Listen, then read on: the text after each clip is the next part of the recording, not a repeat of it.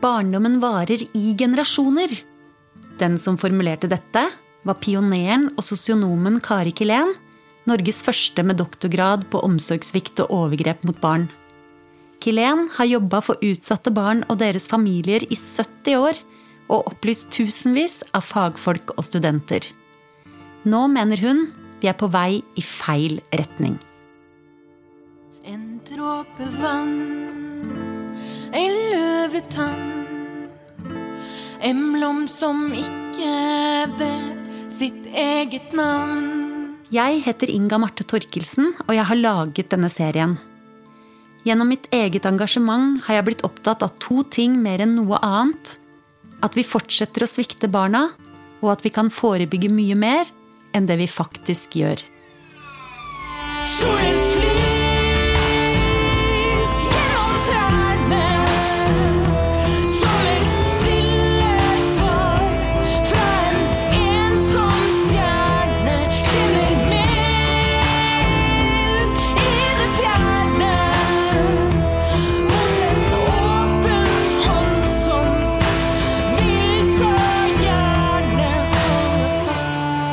episode én fortalte jeg at Carl I. Hagen og Jon Alvheim i 1995 forsøkte å få regjeringa til å fjerne alle Kari Kilens bøker fra pensumlistene.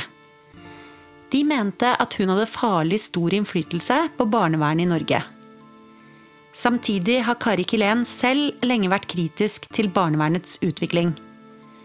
Nå utfordrer hun myndighetene til å ta inn over seg at barnevernet er i en krise, og se på det som en mulighet til å tenke nytt, framfor å gå i forsvar. Vi bør egentlig være lykkelige over, hadde jeg nær sagt, at barnevernet er i en krise. Og at vi ikke har kommet for langt inn i å se bort fra den og benekte den. Nå har vi heldigvis noen undersøkelser, veldig saklige, gode undersøkelser, som eh, dokumenterer ganske godt noe av den bekymringen som jeg sitter med. Så vi trenger ikke basere oss på synser og troer. Hun viser til Statens helsetilsyns mange rapporter, Riksrevisjonen og Barnevoldsutvalget, et offentlig utvalg leda av tidligere fylkesmann og politimester Ann Kristin Olsen.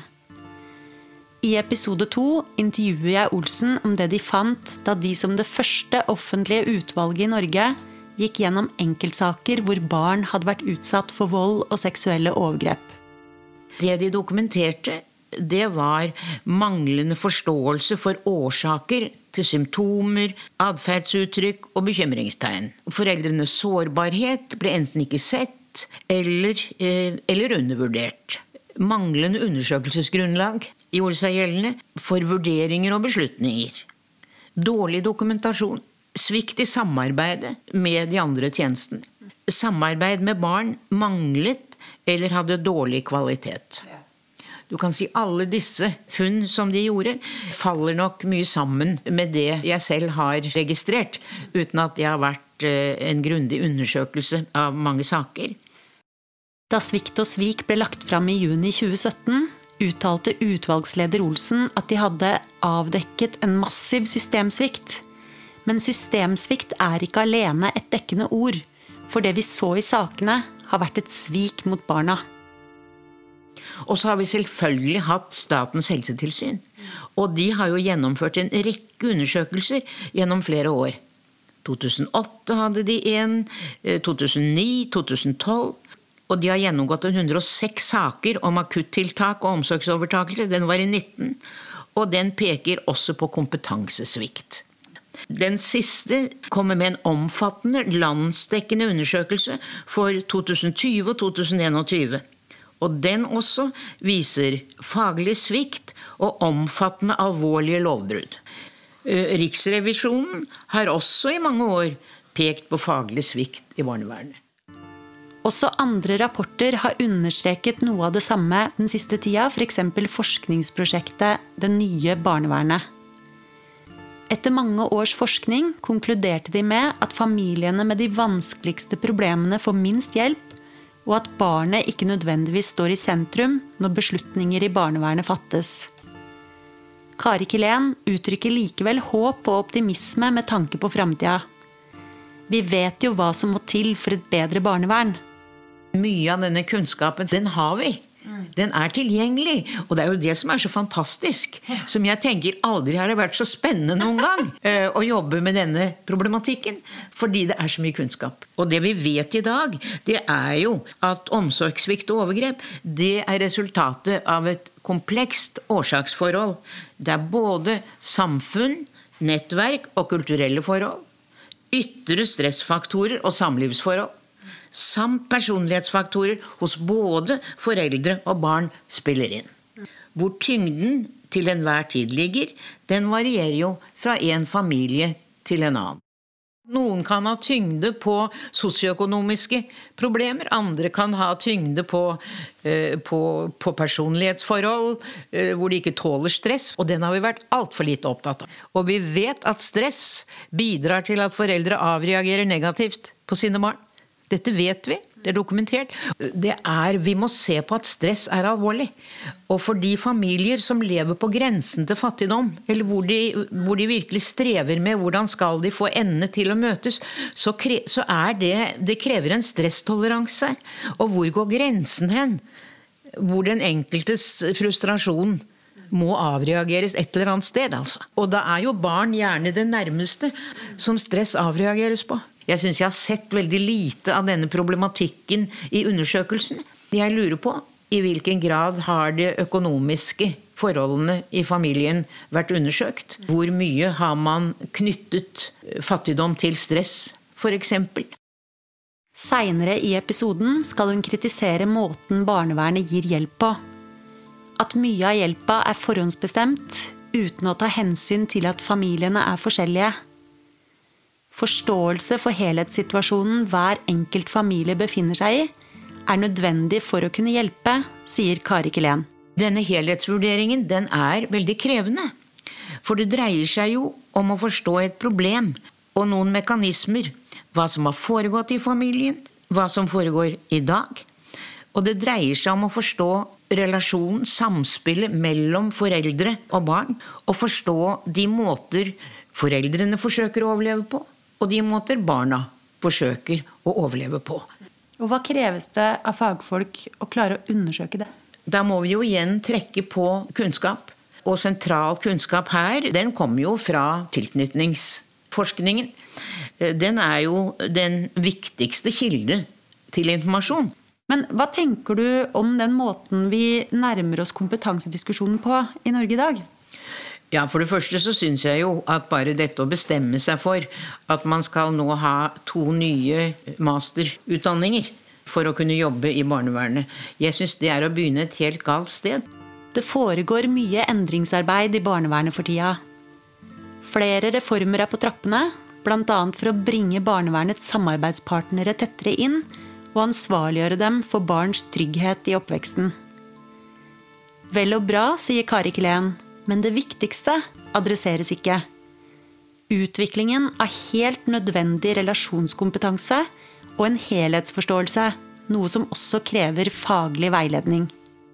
Og da er det spørsmål hvilken kompetanse er avgjørende for et godt barnevern. Og det vet vi. Fundamentet i barnevernsarbeid og alt annet profesjonelt sosialt arbeid, det baserer seg på faglig forankret forståelse og relasjonskompetanse, som er nødvendige forutsetninger for å kunne anvende forskningsforankret kunnskap. Og Viktig å fastslå at det handler om en forskningsforankret forståelse og relasjonskompetanse. Vi kommer ikke utenom den for å bidra til å rette opp noen av de mangler som nå har blitt så grundig dokumentert. Og når du sier forståelse, hva legger du i det? Da tenker jeg på flere ting. Jeg tenker på innlevelse i forhold til de barna jeg har kontakt med. Må kunne forstå hva er det ved dette barnet som gjør at dette barnet har det sånn, og åpne opp for det. Og speile det. Og så forsøke igjen å relatere dette til, til helheten. Eh, Og den helheten den kan bestå i klasserommet og foreldre-barn-relasjonen. Eh, Og hele familiens nettverk. Men det, er, det bør være barnet som er utgangspunktet. Kari Kelen mener at barna har fått en altfor perifer plass i barnevernet. Både i utdanningene og i praksis. Dette har også vært et viktig ankepunkt i mange rapporter om barnevernet, bl.a. i den omtalte NOU-en 'Svikt og svik'. De fant at barna fikk oppsiktsvekkende liten oppmerksomhet i papirene de gjennomgikk. En del hadde også fått diagnoser som ADHD uten at helheten i deres livssituasjon var tatt i betraktning. Inntil vi får barnet som står sentralt i disse sakene, så, så vil vi svikte. Man ville jo trodd at en egen barnevernsutdanning, der skulle barnet stå sentralt.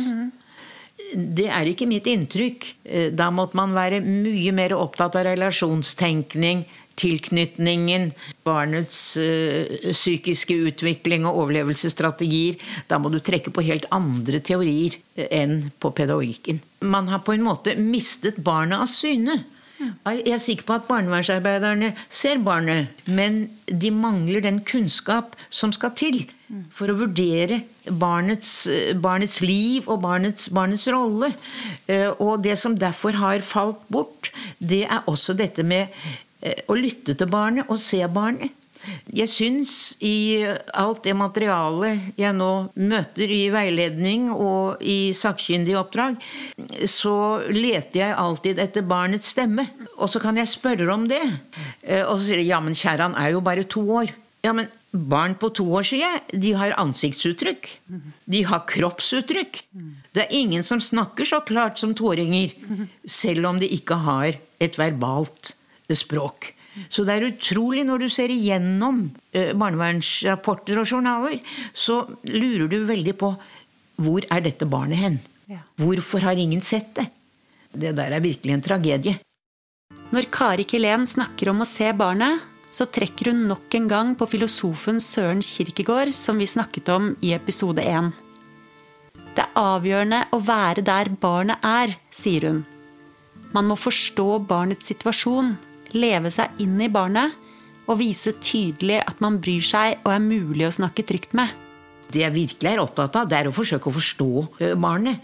Og selvfølgelig barn som har blitt eldre enn to-tre to, år. Jeg mener, de kan snakke. Men så er det en utfordring å få barnet til å snakke med deg. Det forutsetter jo selvfølgelig en etablering av en relasjon til barnet. Og den klarer du ikke å etablere godt nok hvis du ikke har en, en forståelse av hva dette barnet har strevet med. For vi vet at hvis det er noe barn er, så er det utrolig lojale overfor selv de foreldre som utsetter dem for store problemer. Slik at hvis vi skal få barnet i tale, så forutsetter jo det et engasjement i forhold til barnet, hvor man formidler forståelse. Og hvor barnet føler at det kan virkelig stole på deg. Hvis ikke så vil det ikke fortelle noe. Og der har vel barnevernet en ekstra utfordring, siden mytene, også fordommene mot barnevernet, er så sterke. Helt sikkert. Så er det klart mange barn er jo veldig redde for hva konsekvensene blir hvis eh, foreldre eller andre som utsetter dem for eh, omsorgssvikt eller overgrep, får vite hva de har sagt. Ja. Ja da, delvis vil deres egen fantasi i forhold til det være voldsom, og samtidig så vil de høre fra de voksne. Trusler, f.eks. Ja da. Mange av disse barna har jo opplevd at voksne ikke har vært så opptatt av dem. For noen foreldre har rusen kanskje vært veldig viktig. For, for, for, for andre barn så har de blitt skremt av den volden uh, som de opplever. Altså Disse ulike former for voldelige psykiske overgrepssituasjoner har jo skapt så mye angst i barnet.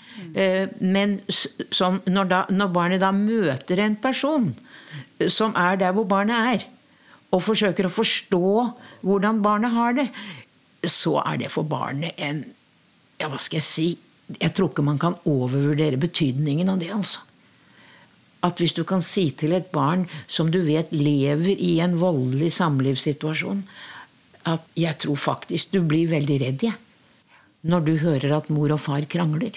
For da lurer du vel på om det kommer til å skje igjen noe som var veldig vondt når det skjedde før.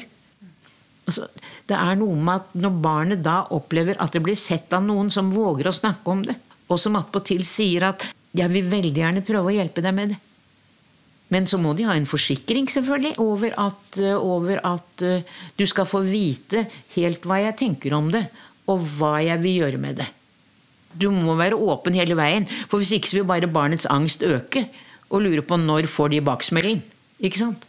på at de har snakket med noen. Så blir jo det igjen en belastning eh, for barnet. Hva skal til for å få tillit hos barn?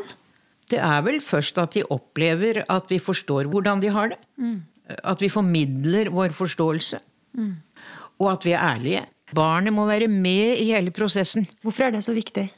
Jeg kommer liksom tilbake til respekten for barnet. Det er med barna jeg begynte, på en måte. Eh, Og det er de som er bærere av smerten. Mm.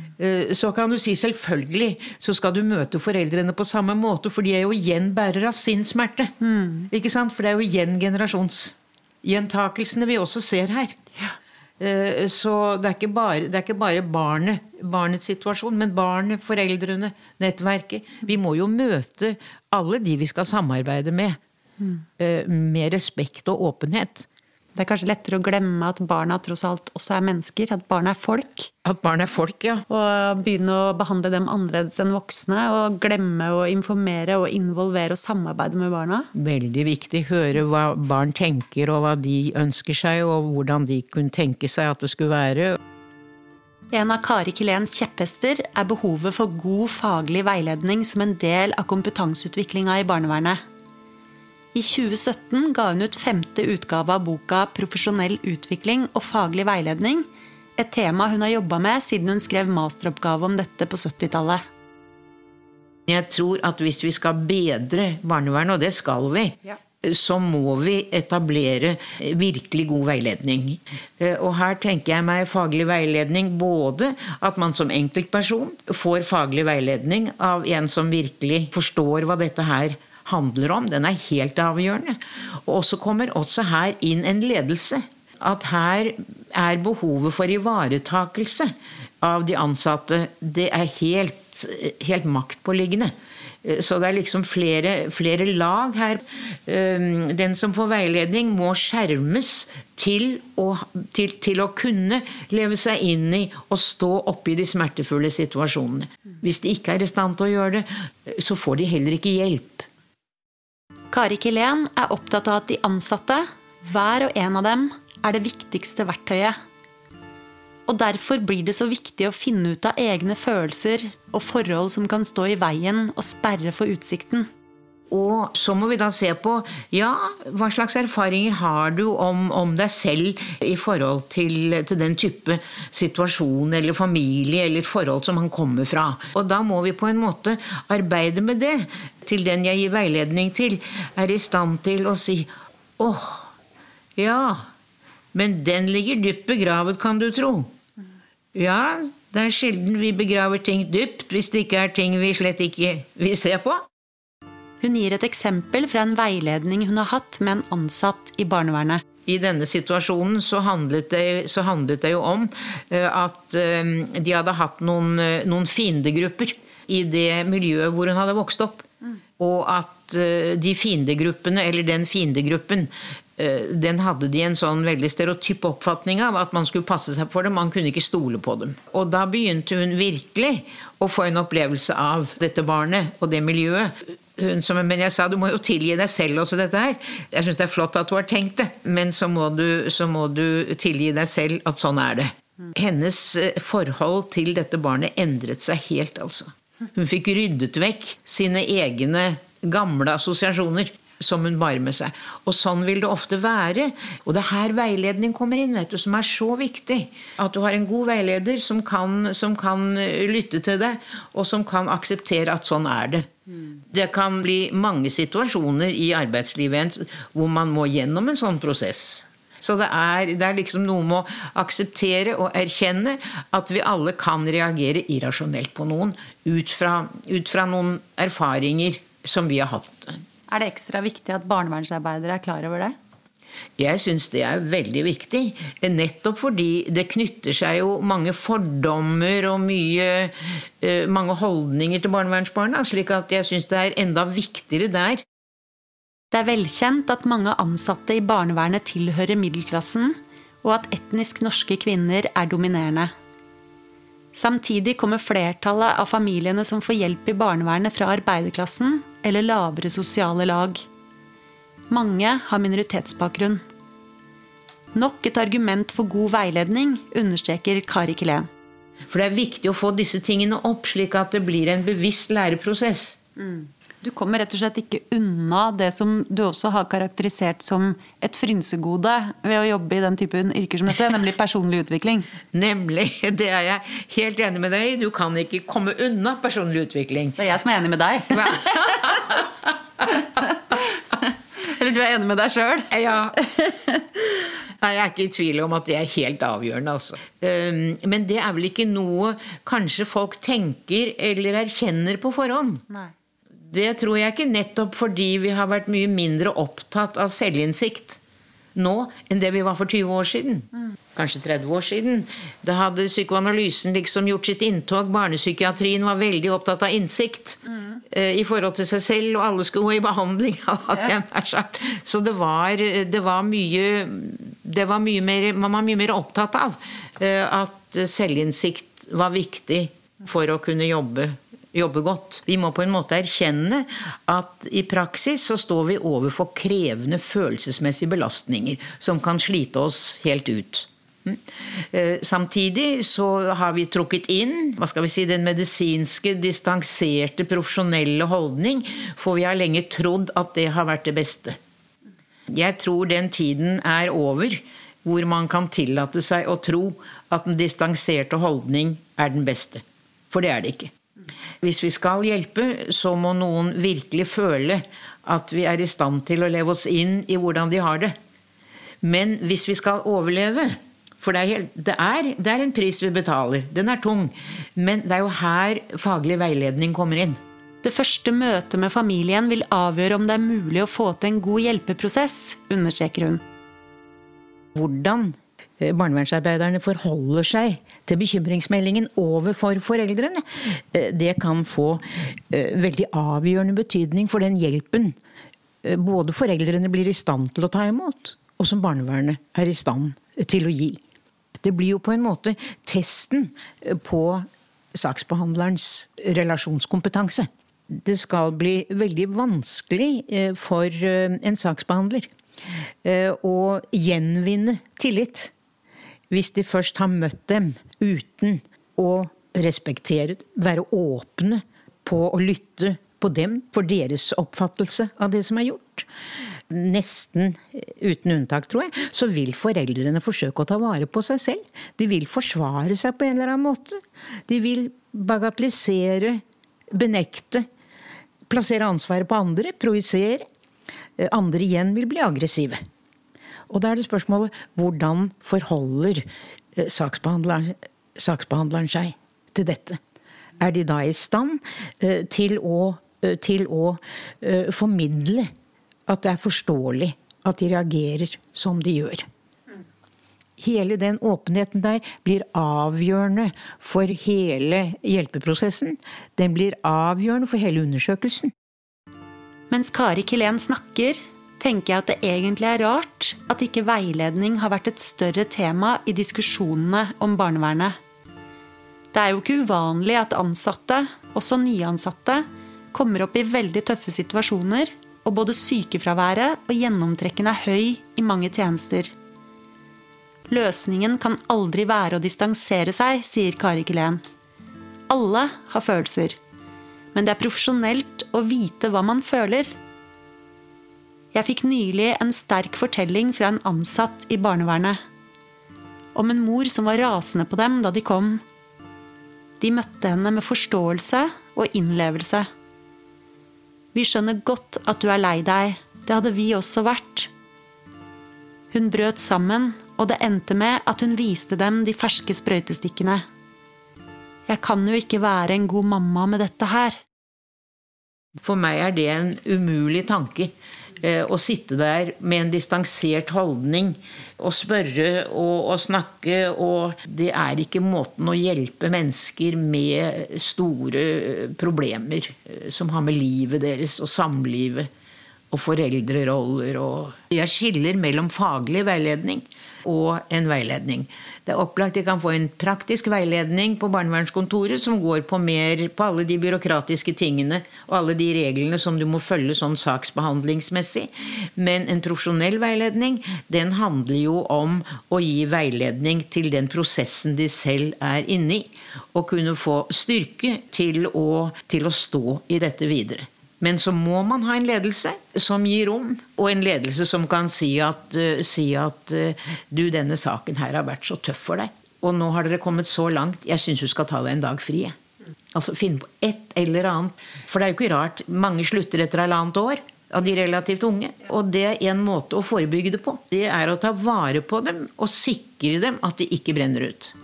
De siste åra har det feid en instrumentell vind over offentlig sektor, også barnevernet. Kanskje som en følge av mangel på ressurser og veiledning har det blitt importert stadig flere evidensbaserte programmer og metoder som er utvikla for å passe til spesifikke problemer med utgangspunkt i en manual som forteller hva de ansatte skal gjøre, og gjerne også hvor lenge de skal gjøre det. Kari Kilén er ikke imponert. Jeg tenker at her bruker man store penger for lite gevinst. Eh, Du skal ikke lenger enn til Danmark for å høre dem si du send det til Norge, du, de kjøper det meste. Vi må slutte med de evidensbaserte tiltakene. Og så må vi basere våre tiltak på forståelse. For tenk på hva vi bruker av krefter. eh, Hvor man bestemmer seg for ett av de to tiltakene den kommunen tror på. Og så bruker man det på familien, og kanskje er det mot sin hensikt, det som gjøres. Kanskje er det ikke en relasjon mellom hjelperen som kommer inn i det hele tatt. Så virkelig å, å, å få drevet forebyggende tiltak ut fra forståelse, altså det er så viktig. Det er eh, Nei, disse one size fits them all, altså denne evidensbaserte, den holder ikke. Vi er ikke like. Det fins ingen, og jeg jobber på dette området så lenge, det finnes ingen like mennesker og like personligheter og like samlivsproblemer, og alle har variasjoner på det, ikke sant. Man må gjøre en helhetsvurdering av familiens situasjon, sier hun, og tilpasse hjelpen etter behovene. Jeg tror man må være like grundig eh, når det gjelder å vurdere hva slags behov de har for forebyggende tiltak, som man skal være når man skal vurdere omsorgsovertakelse. De forhåndsbestemte tiltakene er et problem, mener Kari Kelen. Man må hele tiden ha alle de forskjellige faktorene med seg. Ikke sant? Så er det spørsmål hvor, hvor begynner man hen først? For så å kunne komme videre og jobbe med andre, med andre sider av problemene. For det er jo sjelden, i ethvert fall i alvorlige barnevernssaker, at det er enkle forklaringer. Det er sammensatte. Vi må skape hjelpetiltak som hjelper i den situasjonen, ut fra at vi forstår hva som er i veien. Folk er så forskjellige, ungdom er så forskjellige, barn er så forskjellige. Og for ikke snakke om relasjonskompetanse. Jeg ville tro at for en del så ville disse modellene eh, gå helt på tvers av relasjonskompetanse.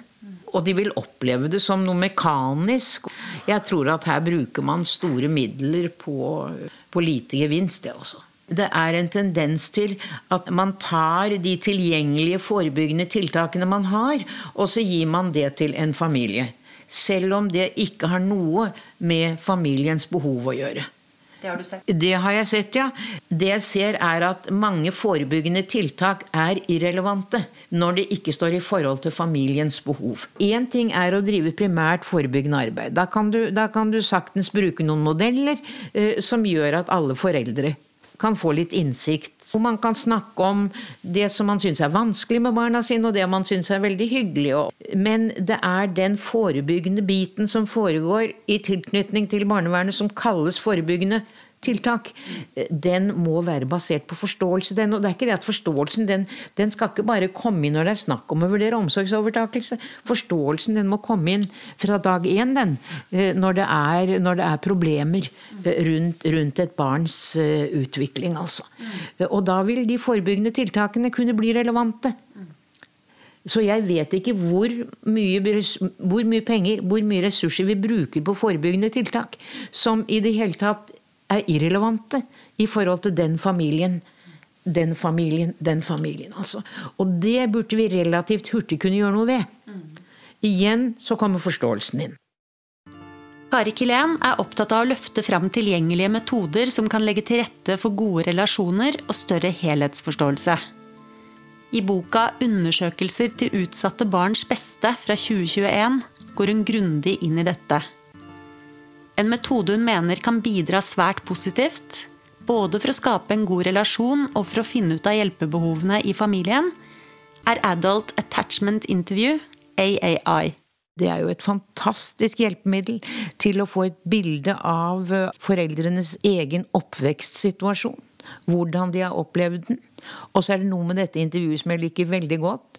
Eh, Den beveger seg fra det alminnelige. Det liksom begynner med oppvekstsituasjonen og de forskjellige menneskene som har vært, vært i den. Og så beveger den seg videre til, til det som kan være vanskelig for alle barn. Og så sakte over i traumatiske opplevelser eh, som foreldrene har, har opplevd. Innen du har gjennomført det intervjuet, så har du for det første klart å bygge en veldig god relasjon. Hvis du har relasjonskompetanse. Og så vet du veldig mye hva de foreldrene strever med, og hva de trenger hjelp med. Kari Kilén sier at når forebyggende tiltak ikke treffer, eller blir irrelevante for familien, så er veien kort til sterke følelser som sinne og avmakt. Dette kan i verste fall gjøre gode hjelpere til autoritære etterforskere, sier hun. Familien går i forsvar, og konflikten er et faktum. Men hvis vi beveger oss fra et dårlig forebyggende arbeid, da, som ikke står i forhold til familien, og vi begynner å se at nå kommer noen problemer, og nå er det kommet noen meldinger til, så øker vår angst i forhold til at dette her kan bli eh, omsorgsovertakelse. Og det som skjer fra det øyeblikk, det er at vi blir opptatt av å samle bevis. Da beveger vi oss fra å være den hyggelige person som ikke har tatt opp noen av problemene, kanskje, øh, og som blir en etterforsker. Og det er her jeg ser den farlige bevegelsen. Jeg har sett den i alle yrkesgrupper. Vi beveger oss fra å være faglig autoritative til å kunne holde fast og si du skjønner, i de situasjonene Det blir veldig vanskelig når du forholder deg på den måten. Kan du se det? Og så øker angsten og bekymringene, og så er vi ikke lenger faglig autoritative. Da blir vi autoritære. Og da slutter vi å hjelpe. Da blir vi opptatt av å bevise.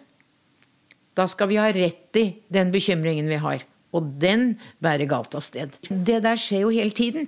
Fra forebyggende arbeid, nå tenker jeg på barnevernsproblematikk forebyggende, at vi beveger oss innenfor det forebyggende. Da er vi hjelpende i vår holdning. Eh, Vi undersøker kanskje ikke nødvendigvis godt nok. Og vi gir et tilbud etter one size fits them all. Og så kommer vår bekymring. Bekymringsmeldingene strømmer på, Søker vår angst, og så beveger vi oss fra å være vennlige, faglig autoritative, og så blir vi autoritære. Men er det ikke en fare for at vi undervurderer hvor viktig ressursmangel faktisk er? Det er for lite tid til å hjelpe hver enkelt familie? Ja, det vil jeg tro at der er det også mye å hente. Både ved å gi den enkelte mindre stress, mer tid for å gjennomføre saker. Og ikke minst, altså, hvis vi ser på dette, dette er jo en ekstrem følelsesmessig belastning. Det er jo det. Ja. Eh, virkelig og, og daglig å skulle forholde seg til den smerten eh, som er der. Ressursmangel, som forsterkes av høyt sykefravær og gjennomtrekk av ansatte, kan få alvorlige følger. Den danske psykologen Dorte Birkmose advarer mot det hun kaller forråelse blant omsorgsarbeidere, en prosess som kan oppstå når det ikke ivaretas godt nok. Da kan de stenge av følelsene sine og overføre sin egen utilstrekkelighet og avmakt på dem de skal hjelpe. Mangel på tverrfaglighet kan føre til den samme typen av hjelpeløshet og avmakt. Kari Kilén tar til orde for at barnevernet må bli mer tverrfaglig, samtidig som tverrfaglig samarbeid må prioriteres av lederne. Altså, det, er nesten, det er nesten utrolig at vi har så lenge ikke hatt et tverrfaglig eh, tilbud, når vi vet hvor sammensatt eh, dette problemområdet er. Eh, og nå med forskning når det gjelder helse, og det er en av de ting som bekymrer meg. At samtidig som vi nå vet at omsorgssvikt det får konsekvenser for helse, for dårlig helse kanskje resten av livet, så har vi nesten sett bort fra helseproblematikken. Og det vi må sikre oss, eh, det er at helse eh, og helseforståelse får en mer sentral eh, plass i selve undersøkelsen. Jeg tenker ikke på diagnoser. Selvfølgelig Hvis det er alvorlige psykiatriske tilstander, så kan man ikke unnlate å bringe det inn. Men hele tiden å erkjenne at dette er, dette er helseproblemer. Det burde egentlig være utenkelig at man griper inn og plasserer et barn i et fosterhjem f.eks. Uten at man har også undersøkt grundig helseforholdene. Hun fortsetter. Også terapi, det kan være så mangt. Eh, Og her må man begynne mer og mer å tenke på relasjoner. Ja. Mens vi har tenkt mer på yrkesgrupper. eh, Og hvilke yrkesgrupper som skulle kunne drive med det. Og her må vi tenke mye mer når det gjelder barna, eh, på også hva slags, hva slags mennesker har dette barnet behov for å omgi seg med. Hvem kan, være, hvem kan bidra til dette barns utvikling? Hvis man tenker på i veldig mange familier hvor det kanskje har vært lite ressurser å trekke på, eh, så kan det jo ha trukket veldig godt på folk i nettverket. Som kan ha betydd mye for folk. Så jeg tror man må saumfare nettverket mye bedre. Eh, For å se på hvem er her i stand til å gå inn og se dette barnet. Formidle sin forståelse til dette barnet. Ha respekt for dette barnets grenser. eh, Så vil vi sannsynligvis få bedre hjelpemuligheter, altså. Men så lenge vi har one size fits them all, eh, og da blir en tilfeldighet som blir en tilfeldig person som da skal være så kan, det, så kan det være kontraindisert. ja, så det kan virke mot sin hensikt. Den kan virke mot sin hensikt, ja.